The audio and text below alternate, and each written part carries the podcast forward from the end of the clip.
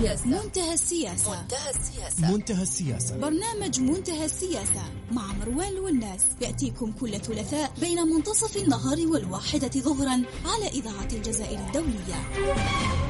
منتهى السياسة.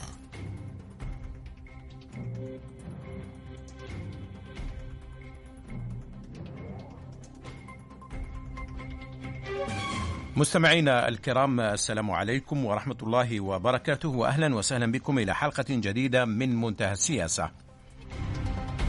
في حلقة هذا الأسبوع من منتهى السياسة سنعود إلى الملف التونسي بعد انتخاب راشد الغنوشي رئيسا للبرلمان وتكليف الحبيب الجملي بتشكيل الحكومة الجديدة. في حلقة هذا الأسبوع من منتهى السياسة سنحاول أن نفكك الصفقة والاتفاق الذي حصل بين حزب قلب تونس وحركة النهضة. تفاصيل هذا الاتفاق وتداعياته على المشهد السياسي التونسي. لمناقشة هذا الموضوع أرحب بالأستاذ الجامعي والمحلل السياسي مقداد إسعاد والدكتور نور الدين بكيس محلل البرنامج وأستاذ علم الاجتماع السياسي.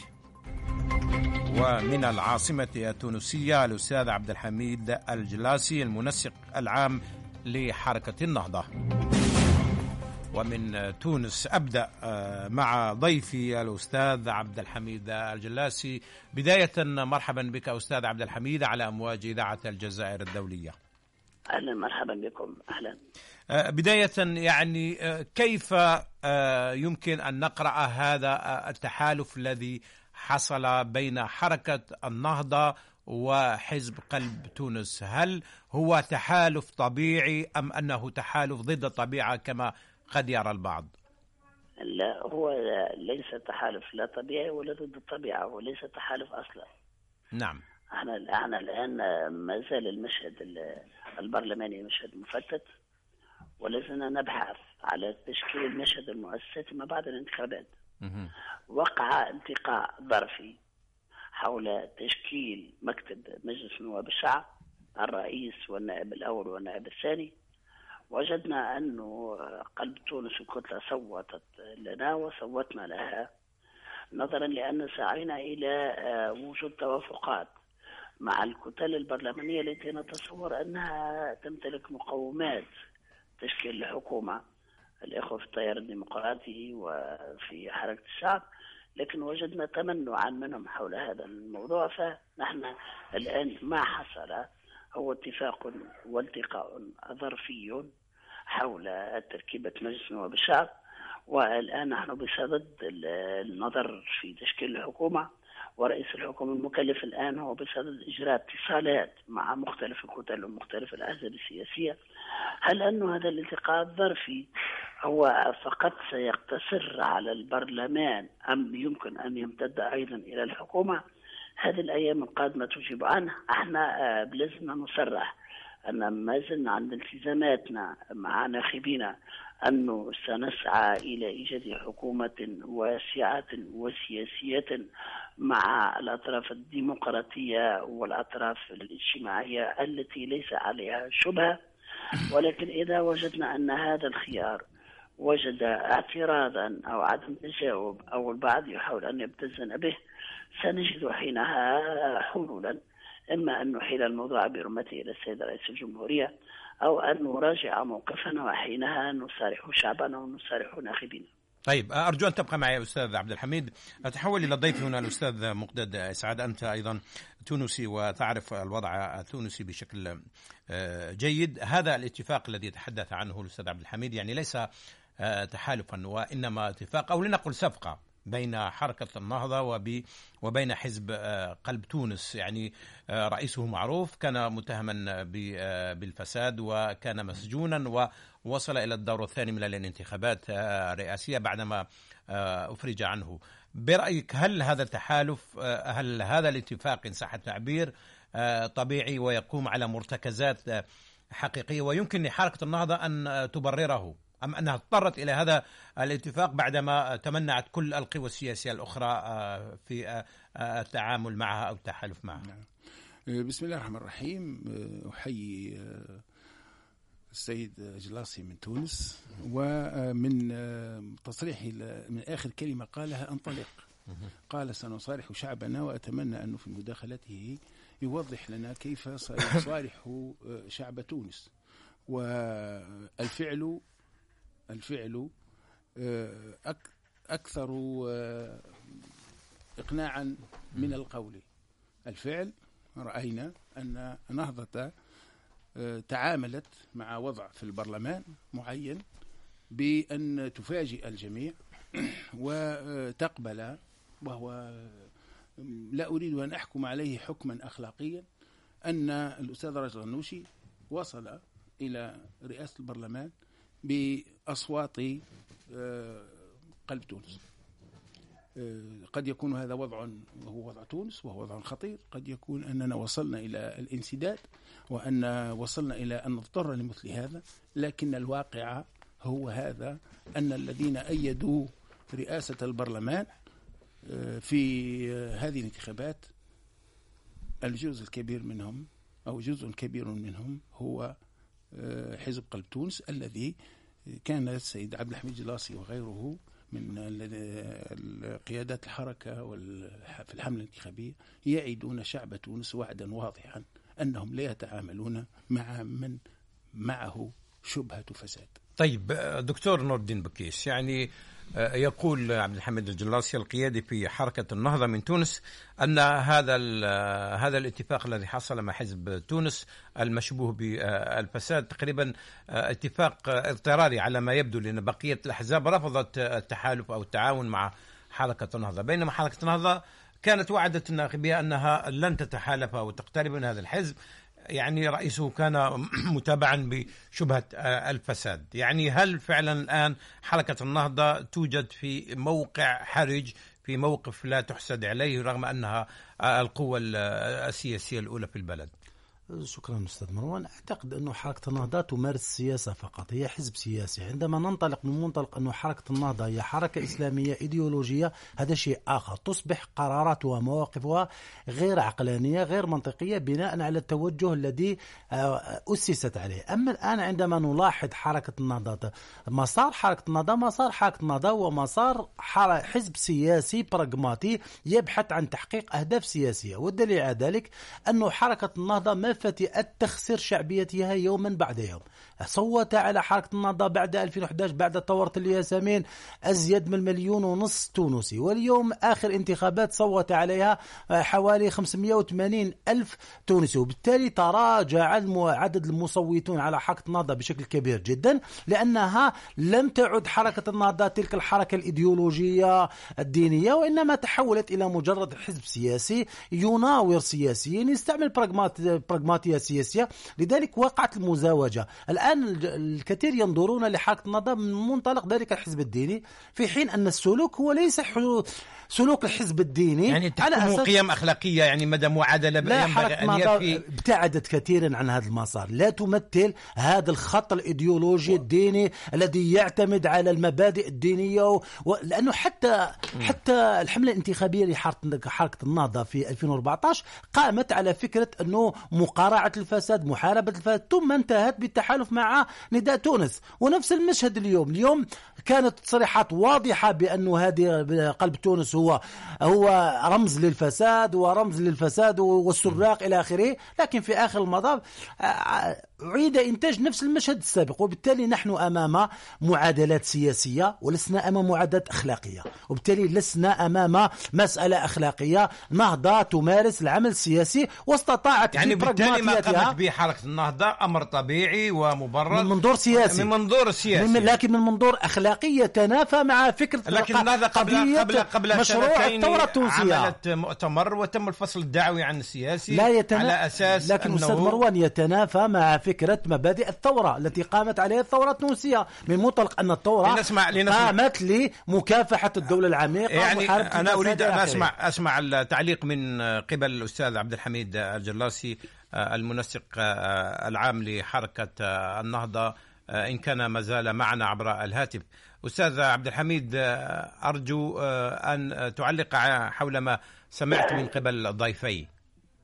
نعم أنا بدي أن أعلق الموضوع منا ليس هذا التعميم في أنه وكأنه من احتكر صفة الفساد هو قلب قلب تونس. في الحقيقة هناك شبهات حول بعض مسؤولي هذا الحزب. ولكن لا يعني هذا بالضرورة أنه حوالي 500 ألف ناخب تونسي انتخبوا الفساد. ولا يعني هذا بالضرورة أن 38 نائب من نواب قلب تونس هم أيضا من فاسدون هذا من ناحية. من الناحية الثانية حركة النهضة لم تقل أنها ستتخلى عن مبدأ مكافحة الفساد. الوثيقة التي وزعناها على الأحزاب السياسية تمهيدا لإعلان السيد رئيس الحكومة أول نقطة فهي مقاومة الفساد ثم بعد ذلك مقاومة الفقر ثم بعد ذلك تحريك الاقتصاد ثم بعد ذلك المؤسسات ثم بعد ذلك إصلاح المنظومات الكبرى في البلد. بالتالي الخيار السياسي واضح خطنا السياسي. ثانيا أنا أقول أن وجهتنا في التحالف هي نحو ما يسمى في الخطاب السياسي والقانون السياسي التونسي هي نحو الكتل التي تنتسب إلى الثورة. التيار الديمقراطي ائتلاف الكرامة حركة الشعب بعض الأحزاب الأخرى الديمقراطية إلى آخره. هذا هذا هو ما سنسعى إليه وهذا ما نكرره. ولكن في الأخير إن وجدنا انسدادا ووجدنا نوع من التعنت ونوع من الحسابات الضيقة التي تذكرنا بالثقافة الحزبية والسياسية التي سادت في الخمس سنوات الفارطة والتي ثار عليها الناخب التونسي عبر انتفاضة الصندوق حينها. إما أن نعلن عن عجزنا على تشكيل هذه الحكومة بالمواصفات التي نريد. ونحيل الملف إلى السيد رئيس الجمهورية ليختار الشخصية الأقدر وهو خيار دستوري وهو خيار أيضا ممكن. ويمكن لحركة النهضة حينها أن تشارك إن وجدت صيغة جيدة للمشاركة أو أن تلتزم المعارضة. وأيضا خيار في أوضاع مثل هذه. الحكم ليس نعمة والمعارضة ليست نقمة وليست عقوبة. أو أو وأنا نلتقي مع الأستاذ إسعاد أو أن نقول لشعبنا وأنا شخصيا هذا ما أتبناه أنه أحيانا في في السياق الانتخابي تقع نوع من المزايدات والنوع من الانزلاقات. في تقديري أنا مكافحة الفساد نعم هي أولوية الأولويات في تونس. لكن في تقديري أيضا أنه نبصم حزبا بعينه بهذه الصفة. هذا تجنن على الحقيقة وتجنن على السياسة. وثالثا أنا أريد أن أقول أنه في السياسة هذه اللن الزمخشرية القطعية ليست مناسبة تغلق أحيانا الأبواب. لما تجي انت في تشكيل حكومه يمكن ان تقول حزب من الاحزاب أو كتله انه يمكن تصوت لك ولكن لما تختار المسؤولين لما تختار الوزراء يمكن أن تقول هذا الحزب أقبل هذا المرشح ولا أقبل ذاك المرشح لأن المرشح الثاني فيه شبهات حول الفساد. بالتالي حركة النهضة الآن لا تراجع على مرجعيتها الأخلاقية لأنه موضوع الدعوة السياسي موضوع آخر في كل الحالات. المبادئ والأخلاق لها علاقة صميمة بالعمل السياسي وخاصة في الأوضاع الديمقراطية. هذا موضوع أساسي. الموضوع الأساسي الثاني أن الحرب على الفساد هي لا تقل أهمية في تونس على الحرب على الفقر أو الحرب على الإرهاب. هذا ثابت أيضا من الثوابت. الثابت الثالث أن سنسعى لتجميع الفضاء الديمقراطي الاجتماعي الاجتماعي الثوري القيمي هذا خيارنا والنخبة الرابعة. أنه إذا وصل هذا إلى مأزق طيب. فإن حينها بين نحن سنجد أنفسنا بين خيارين وكلها كلاهما دستوري. طيب. أن نحيل نعم. الأمر إلى السيد رئيس الجمهورية أه. أو أن نصارح شعبنا. نقول له لقد وجدنا طيب. نعم. حتى حتى نعم. أستاذ عبد الحميد حتى نخرج من نقطة نعم. اختيار الأشخاص المناسبين. حتى نغادر هذه النقطة نقطة تبرير سبب الاتفاق مع حزب تونس. أيضا سؤال آخر لماذا آه، قبل أو رشحتم آه، الأستاذ راشد الغنوشي لرئاسة آه، البرلمان بعد كل هذه السنوات الكثيرون؟ كانوا يرون فيه ربما رئيسا للجمهورية. وبعدما يعني تم التخلي أو نسيان هذا الموضوع فجأة أصبح الأستاذ راشد الغنوشي رئيسا للبرلمان. ما هي الرسالة التي أرادت حركة النهضة أن توصلها وهي القوة السياسية الأولى في البلد؟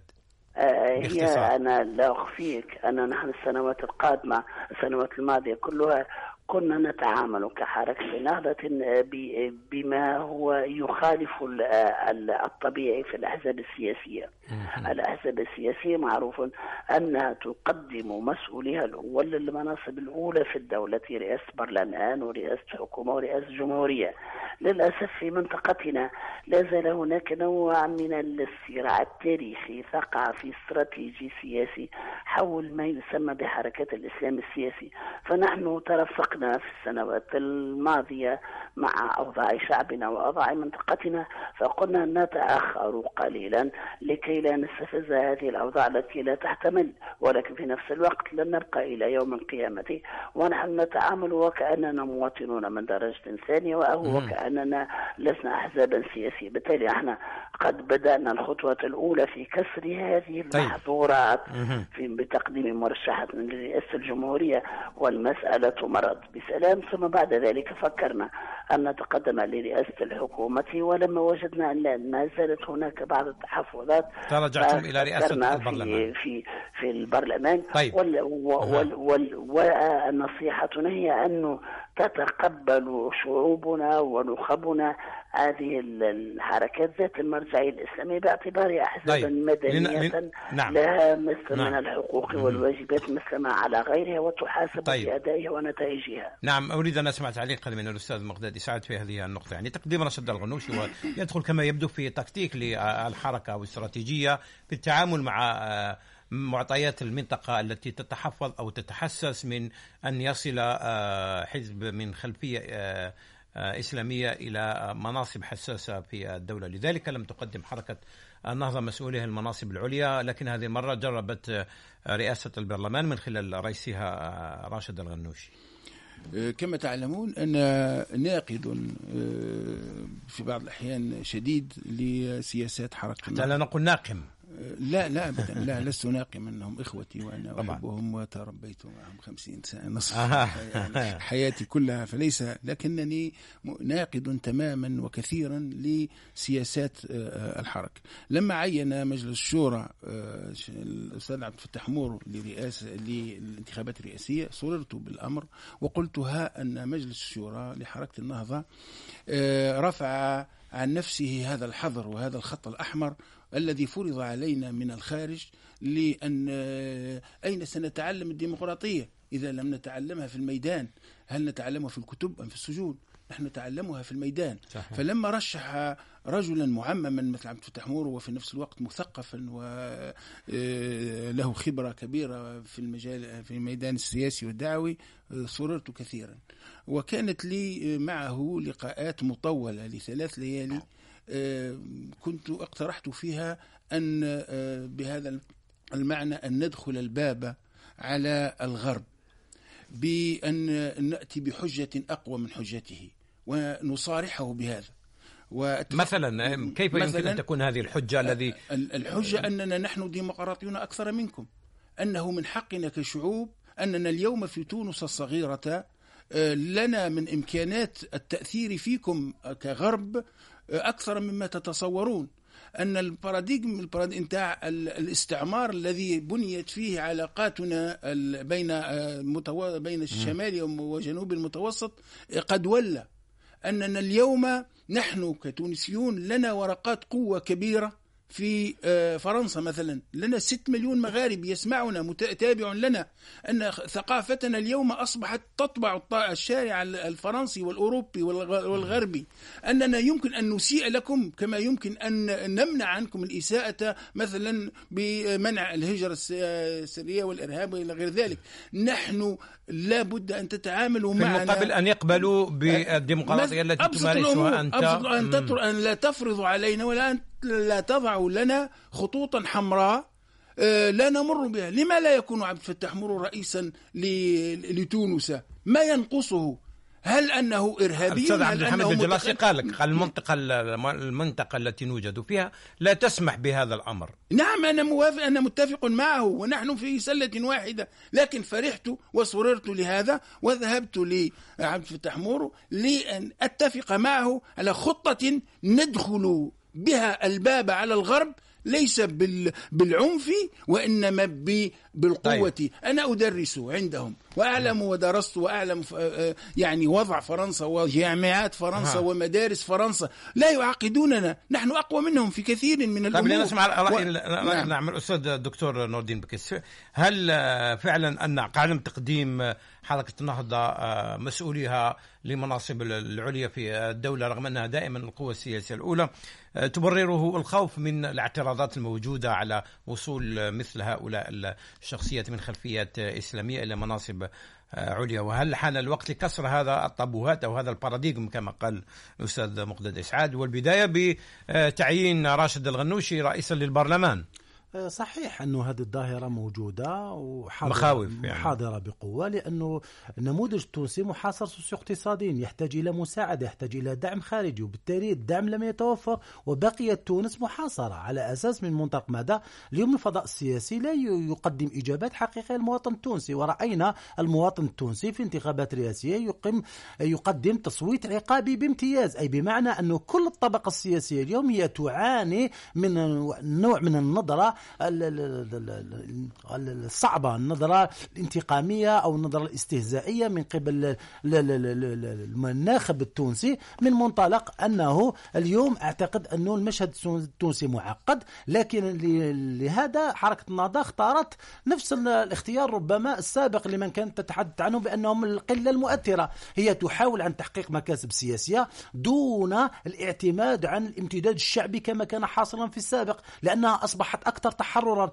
اليوم ب 580 ألف مصوت للنهضة استطاعت أن تدير اللعبة السياسية في السابق ب 89 بصعوبة. ب... لا ب هي في ب ورطة، لا 89 نائب. مقارنه ب 250 لم تملك القدرة وانسحبت من المشهد ونفس الشيء حدث ب 69 نائب وهذا احتمال وارد أشار إلى أن الأستاذ عبد الحميد طبيعة المرحلة يقول أنه قد ننسحب السيطرة على. البرلمان أفضل بكثير من من تزعم يعني حكومة آمنة. بطبيعة تزعم حكومة في منصب يجيك طاب هذا المنصب قد تطرد منه في أي لحظة. تصور الغنوشي رئيس حكومة ثم بتأتي أزمة أمنية أزمة اقتصادية حادة. وهي موجودة الآن. وبالتالي تلقي به إلى الشارع. تقتله السياسيين وبالتالي أعتقد أن النهضة كانت براغماتية لدرجة كبيرة. واستطاعت لحد الآن أن تلعب بجدارة سياسيا وتحقق مكتسبات لم تتحقق لها من من قبل. كانت أقوى جماهيريا أقوى امتداد شعبيا لكنها لم تستطع أن تفرض نفسها كما هو حاصل اليوم. وأصبحت لم تستطع أم لم ترد؟ لم ت... لا, لم تستطع.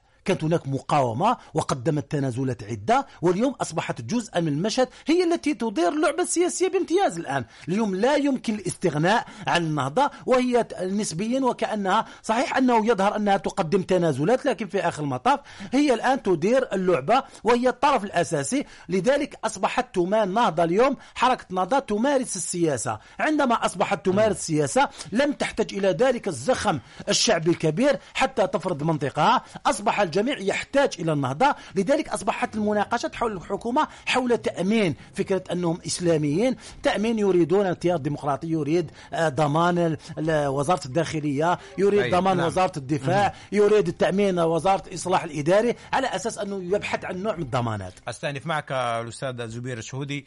آه، بداية آه، تكليف أو اقتراح حركة النهضة للحبيب الجملي لرئاسة الحكومة هل هو خيار اضطراري؟ آه، هل هو فعلا شخصية تكنوقراطية أم أنه محسوب على حركة النهضة؟ كما آه، تقول آه، الكثير من الأوساط آه، التونسية رغم أن الرجل نفى ذلك في أحد حواراته. آه، مرحبا. على كل حال هو موضوع انتمائه للحركة من عدمه هو آه، أوضح ذلك. حسب معلوماتي وأظنها معلومات دقيقة ليس له انخراط في النهضة. أن يكون محسوب على الموجه الإسلامية ومحسوب على التيار الإسلامي عامة. طبعا هو من هذا من هذا الصنف. وإلى جانب تجربته في الترويكا فهي تحيل إلى أنه له علاقات طبعا معقولة مع النهضة وليس علاقات حزبية. فعدم انتمائه للحزب هذا أمر ثابت. وكان حتى ضمن ترشح ترشيحه لاختياره كان على هذا الأساس. يعني فتوقع ترشيحه لل- لقيادة الشورى على المعنى هذا. معنى أنه عضو يعني عضو خارج النهضة. طيب يعني هل نعم. اختياره تم على هذا المعنى. طيب هل هل لأنه خارج النهضة قد قدمته الحركة كرجل تكنوقراطي حتى تكون ربما بعيدة عن تحمل أي مسؤولية آه، في حالة آه، الإخفاق في تشكيل الحكومة أو أيضا ربما في إدارة المرحلة المقبلة في حالة ما إذا نجح في تأليف هذه الحكومة. يعني لماذا دائما حركة النهضة آه، تسعى إلى تقديم شخصية تكنوقراطية ليست من من من من الحركة؟ ما هو الهدف السياسي من وراء ذلك رغم أنكم القوة السياسية الأولى؟ شخصية ديمقراطية بالعكس وليس ليس من هذا الصنف هو سياسي وبالأكثر من ذلك. يعني خيار النهضة في المؤسسات أن يكون هو يقول أنا رجل تكنوقراطي يعني بالتالي الحكومة أصلا تتجه نحو أن تكون سياسية. موضوع الكفاءات هذه يعني الكفاءات يعني في داخل الإدارة موضوع سيكون ضمن الحزام الذي يساند السياسيين. بالتالي هو وقع اختياره على معنى أنه سياسيا بامتياز. يعني هذا فيش وبالتالي سيتحمل سيتحمل النهضة أكيد المسؤولية السياسية باختيارها. في النهاية هي التي اختارت.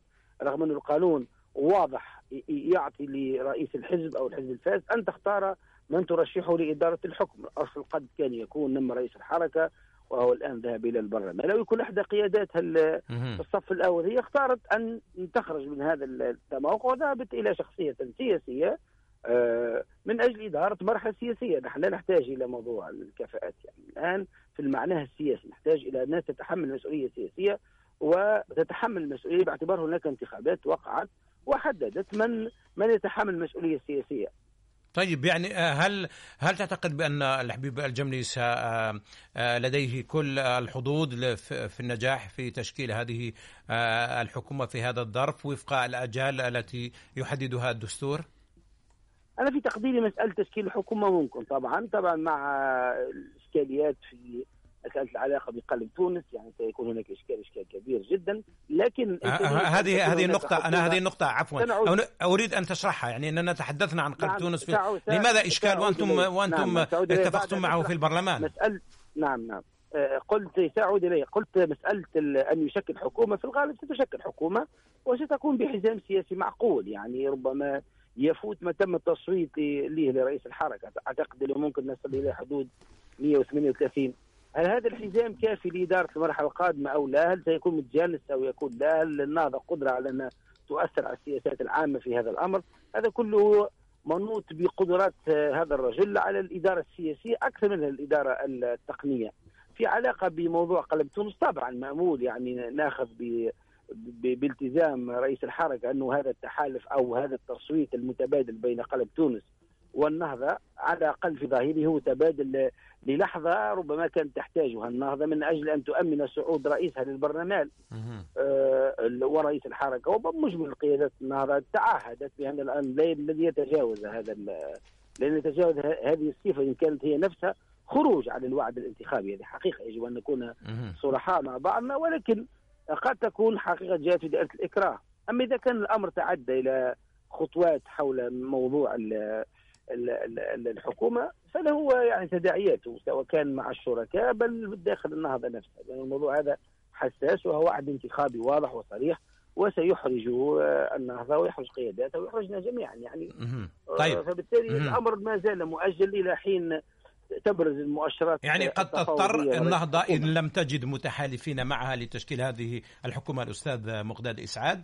يعني آه، قلب تونس يعني كأنه خط أحمر الآن. يعني اتفقنا معه وتحالفنا معه في آه، البرلمان تشكيل مكتب البرلمان أن يبدو أنه من من غير المقبول أن يتم أيضا إدخاله للحكومه آه، الجاري تأليفها. ليس قليلا ما فعلت النهضة. هي النهضة في ورطة حقيقية يعني. وليس قليلا أن تتنازل وأن تقبل تعاونا ولو ظرفيا للبرلمان ولا شك وقد يتفهمها البعض وقد أتفهمها أنا أن البرلمان لابد أن يتقدم وأن يتكون وأن ينتخب مؤسساته وإدارته ولا شك في ذلك. لكن النهضة الآن في ورطة حقيقية إذ أن هذا التعاون على مستوى البرلمان لا يمكن إلا أن يمر لغيره لمستويات أخرى مستوى الحكومة وغير الحكومة. لأن الحليف الطبيعي للنهضة التي آه، فشلت ولا شك في حكم تونس 2011 2012 آه، لم يبق لها من آه، حليف طبيعي منطقي حتى أن الشيخ راشد يمتدح كثيرا آه، ينقد ينتقد الثورة والثورجيين ولم يصوت لل- للمرزوقي في سنة 2014 ورشح عبد الفتاح مورو ثم وقع تخذيله حتى لا يصل إلى إلى رئاسة الجمهورية التونسية. ثم بعد ذلك آه، مساندة قيس سعيد. أنا أعتبر أن قيس سعيد ليس بالضرورة ذاك الحليف الطبيعي والمنطقي للنهضة بل إن حليفها الحقيقي هو المنظومة القديمة وهو قلب تونس. وقد برهنت وأبدت فعليا تعاونا معه في كسب البرلمان لكنه صوت باتفاق باتفاق ثابت صرحوا عنه أن النهضة آه، آه، أن قلب تونس وهم الحقيقة مجموعة قلب تونس 38 هذا جسم غريب ليس له طعم وليس له رائحة لكن لكنه وهو موجود نزيهة لا، لا. الجميع يعني لا لا يمكن لا لا, أن لا نصفه ليست الغريب. الانتخابات ليس نزيهة لماذا. لم يعترض عليها أحد؟ لا نتيجة لا لا يعترض على أحد من دخل إلا إلا الحزب الدستوري الذي بقي خارج السرب لكن من قبل باللعبة وقد شاركت في الانتخابات آه، التشريعية ولم أنل آه، منصبا في البرلمان وأعلم ذلك وقبلت بهذه اللعبة وكل الذين شاركوا فيها قبلوا بهذه طيب. اللعبة إذا لا فقط عاد أن. أن أن آه، الاتفاق بين قلب تونس والنهضة كان متبادلا أن أصوت لك يا. راشد الغنوشي لتكون أنت الرئيس الأول وأن تصوت لي لأكون الثاني وأن يصوت وبتصريح الشيخ راشد وأن يصوت الجميع للرابع وهو آه، حزب حزب الكرامة وهو ائتلاف الكرامة وال والذي يأتي مباشرة بعد آه، هو الرابع لأن الثالث آه، هو التيار. التيار اللي فايته بصوت واحد. وأن يكون الأول من النهضة والثاني من قلب تونس والثالث من الكرامة لكن قلب تونس لم يصوت للكرامة.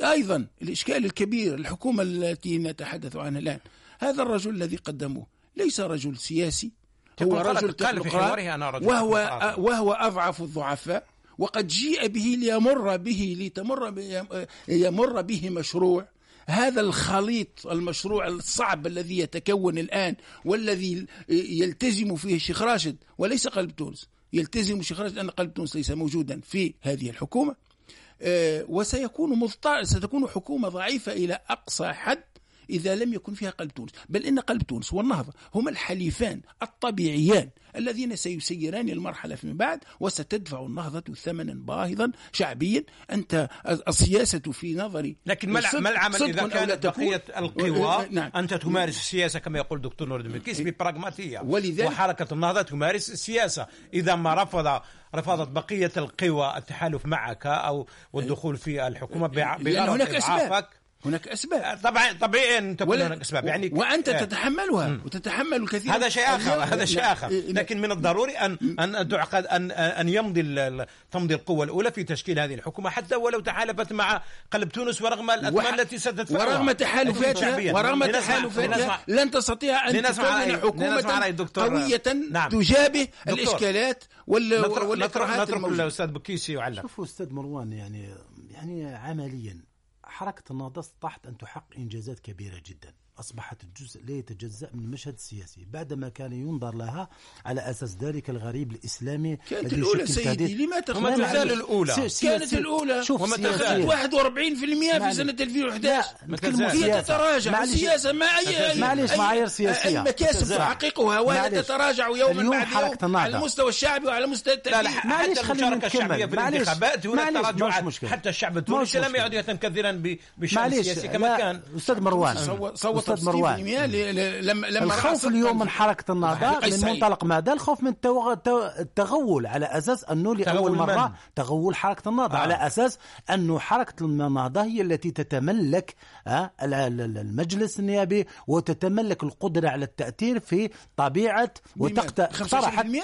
نعم. ب 25% شوف المعادلة السياسية ليست معادلة عددية. هي تتع... شوف معليش بقوة خليني نعم. دكتور دكتور. معلش آه، خليه خليه نشرح لك يشرح. حركة النهضة عندما انسحبت من المشهد السياسي في تطرق ماذا قالت؟ قالت بأن هناك القلة المؤثرة. نفس المنطق الذي تحاول أن تعيد إنتاجه حركة النهضة وهذا ذكاء من حركة النهضة تريد أن تحكم أن أن تتحكم بدون أن تحكم الآن حركة النهضة تتحكم في تونس بدون أن تحكم بشكل مباشر بدون انسداد. سا- نعم. معلش. نعم. بدون أن تدفع. بدون أن تدفع تكلفة التحكم المباشر الآن المسألة السوسيو اقتصادية ضاغطة على كل الأطراف وكل الأطراف مطالبة بالتنازل ليست حركة النهضة فقط لأنه الم- المشهد السوسيو اقتصادي هو الذي دفع التونسيين إلى التصويت العقابي وبالتالي بدون عاطفة بدون عاطفة حركة النهضة حققت منجز سياسي كبير جدا خاصة وأنها فهمت المشهد التونسي. المشهد التونسي قائم على ضعف الظاهرة الحزبية. حركة النهضة قوية ولها قاعدة لا تستطيع منضبطة. وبالتالي رأينا نداء تونس يتفكك بمجرد وفاة. وقبل وفاة الرئيس. رأينا كل الأحزاب معرضة للانقسام والتكتلات. ما عدا الثابت الوحيد هو حركة النهضة. وبالتالي هذه ممارسة سياسية ذكية. أقر. في آه. وضع غير مستقر وبالتالي هذه معادلات صحيحة أما إذا حاولنا نقلها إلى المساءلة الأخلاقية ومساءلة الطورية هم لا يؤمنون بأن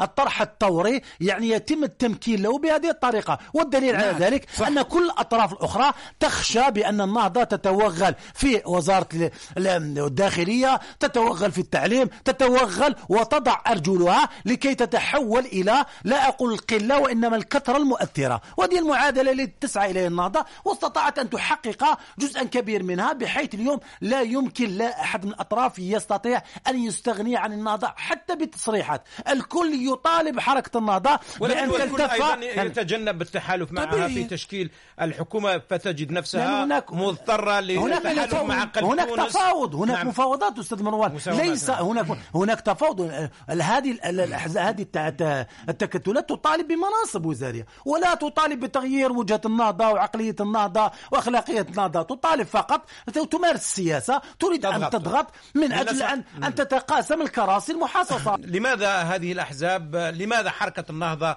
تجد صعوبة في إقناع بقية القوى للتحالف معها فتضطر للاقتراب والاتفاق مع حزب قلب تونس رغم ما- ما في ذلك من محاذير و وتأثيرات سلبية على سمعة تونس على سمعة حركة النهضة. طالما أن هذا الحزب يعني موصوف ومتهم بالفساد وتبييض الأموال وغيرها. سؤال إليك دكتور مقدس أنا- لماذا يعني برأيك يعني آه لماذا هذه هل هو الغرض إضعاف وابتزاز إن صح التعبير حركة النهضة والحصول على مكاسب أكثر؟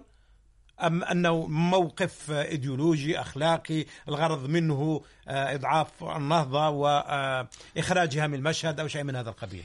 هو لا شك أن وافق الدكتور بكيس فيما كان بالتالي يعني لا نلوم حركة يوصف- النهضة إذا ما اقتربت نعم. يعني ينبغي تشكل اختراق لا، قالت هذا- لحلفائها أنها لم تحتجهم من أجل الوصول إلى منصب لا، رئيس لا، البرلمان يعني هم لا لا. هذا اختراق يعني. تحتاج لأنهم دفعوا بها إلى أن تختار الخ... ال... ال... الاختيار ال- الخطأ.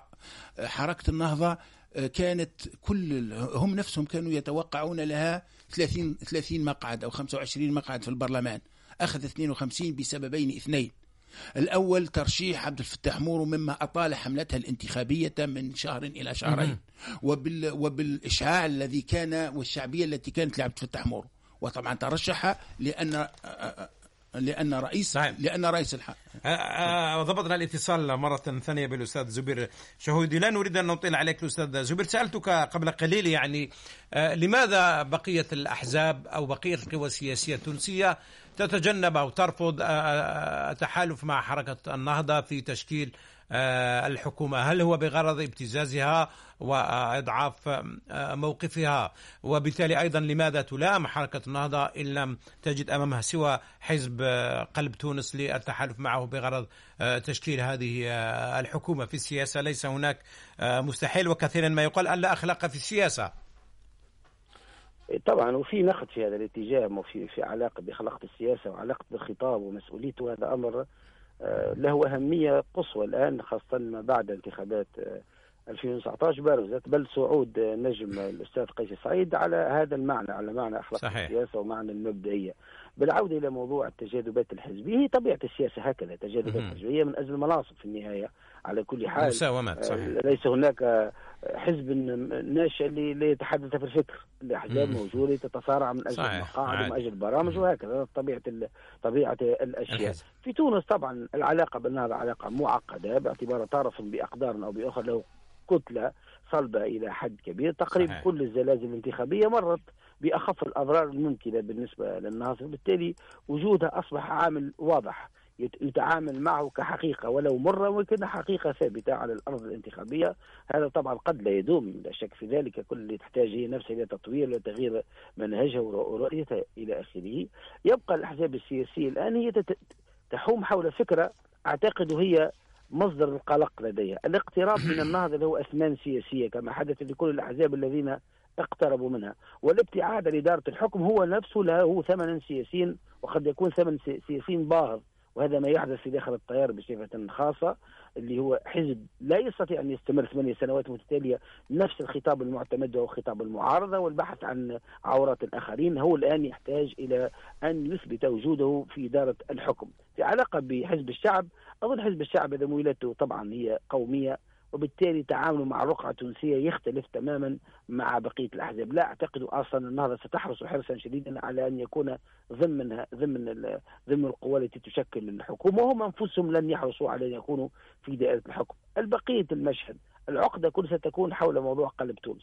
لا شك أن هناك حرص من قيادة النهضة أن تتميز على قلب تونس لأسباب انتخابية والتزام انتخابي ولا شك أن هناك ورطة إن, إن التصق قلب تونس ب- بإدارة الحكم خاصة حينما يكون هناك ترشيح واضح وجلي من قيادات داخل قلب تونس يعني في النهاية هذا يعني تونس. نستطيع أن نفهم نعم. أن المفاوضات ستكون صعبة كثيرا في تشكيل هذه الحكومة نعم يعني صعب, صعب تشكيل حكومة لكن على كل حال النهضة الآن تثير خطابا يتحمل مسؤولية إدارة الحوار الحكومي رئيس الحكومة وكانت توكل له أمر إدارة من سيكون معه آه، من الشخصيات السياسية. هل قلب تونس مستعد أن يؤيد حكومة من غير أن يكون فيها. أو هو راض عن سياساتها؟ هذا سينظر إليه في الأيام القادمة ومن خلال الحوار نفسه. هل سيكون هذا الحوار هادئ وبناء ويبحث عن حلول مشتركة حتى لا نذهب إلى الأزمة وهي حل البرلمان التي هي بيد رئيس الدولة. طيب نعم. والقبله ربما تكليف من طرف رئيس الدولة إلى من يدير الحكم وهو أمر وارد الفشل آه، الأستاذ حبيب آه، آه، الجميل. رئيس الحكومة المكلف. لكن في اعتقادي الشخصي أنه سينجح وسيكون ربما الثمن أكثر على النهضة في علاقة بالشبهة أو في علاقة بالغموض في علاقة بقلب تونس. في إدارة الحكم هذا تقريبا المشهد ال- ال- المنتظر. وهذا كله آه، طيب. يؤدي نعم. بالضرورة إلى أنه تتجاوز طيب. تونس.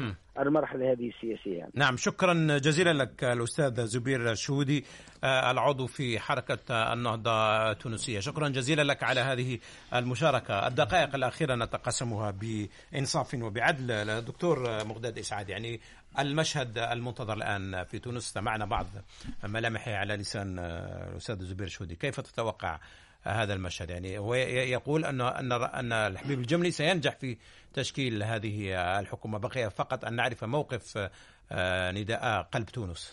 بمعنى أن النهضة ستنجح في تشكيل الحكومة لأن السيد الحبيب جمني سمعنا البارحة أن رئيس ديوانه آه، واحد من النهضة من من برلمان النهضة مرشح القيروان صديق له في فلاحي هو أيضا لكن أحسب أن الوضع في تونس سيزداد آه، انتباها للفساد وخوفا من الفساد ستنتبه كثير من المنظمات ومن ال- وخاصة الفضاء الأزرق وغيرها شارع تونسي، الشعب التونسي. طيب. التونسي والإعلام والمغرض وغير المغرض إلى آه، أن ينظر عن كثب وعن قرب للمترشحين للوزراء بدءا برئيس الوزراء الذي بدأت تحوم حوله شبهات فساد آه، الحبيب و- الجملي أيضاً. الحبيب الجملي نفسه طيب. وأحسبه ضعيفا جدا وأنه لن يستطيع لأن النهضة هي التي ستسير وأن لأن هي النهضة- القوة هي هي هي, هي, هي من اقترحته طبيعة الحال يعني هي نعم. من اقترحته لا، أنا هو طبيعي دكتور، حتى- دقيقة دقيقة دقيقة دقيقة دقيقة نعطوها الأخير للدكتور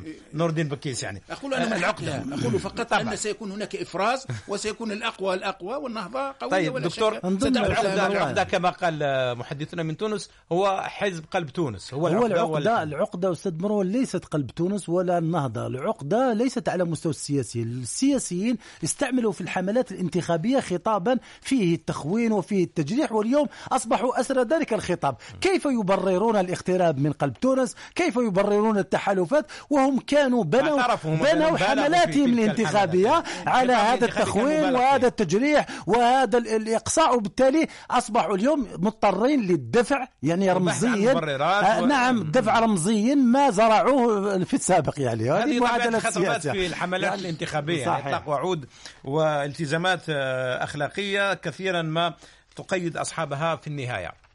شكرا لكم آه، ضيفي هنا بالأستوديو الأستاذ الجامعي والمحلل السياسي التونسي مقداد سعاد ودكتور نور الدين بكيس محلل البرنامج. ومن العاصمة التونسية كان معنا عبد الحميد الجلاسي وزبير الشهودي وهما عضوان في حركة النهضة التونسيه شكرا لكم مستمعينا الكرام وإلى حلقة قادمة إن شاء الله.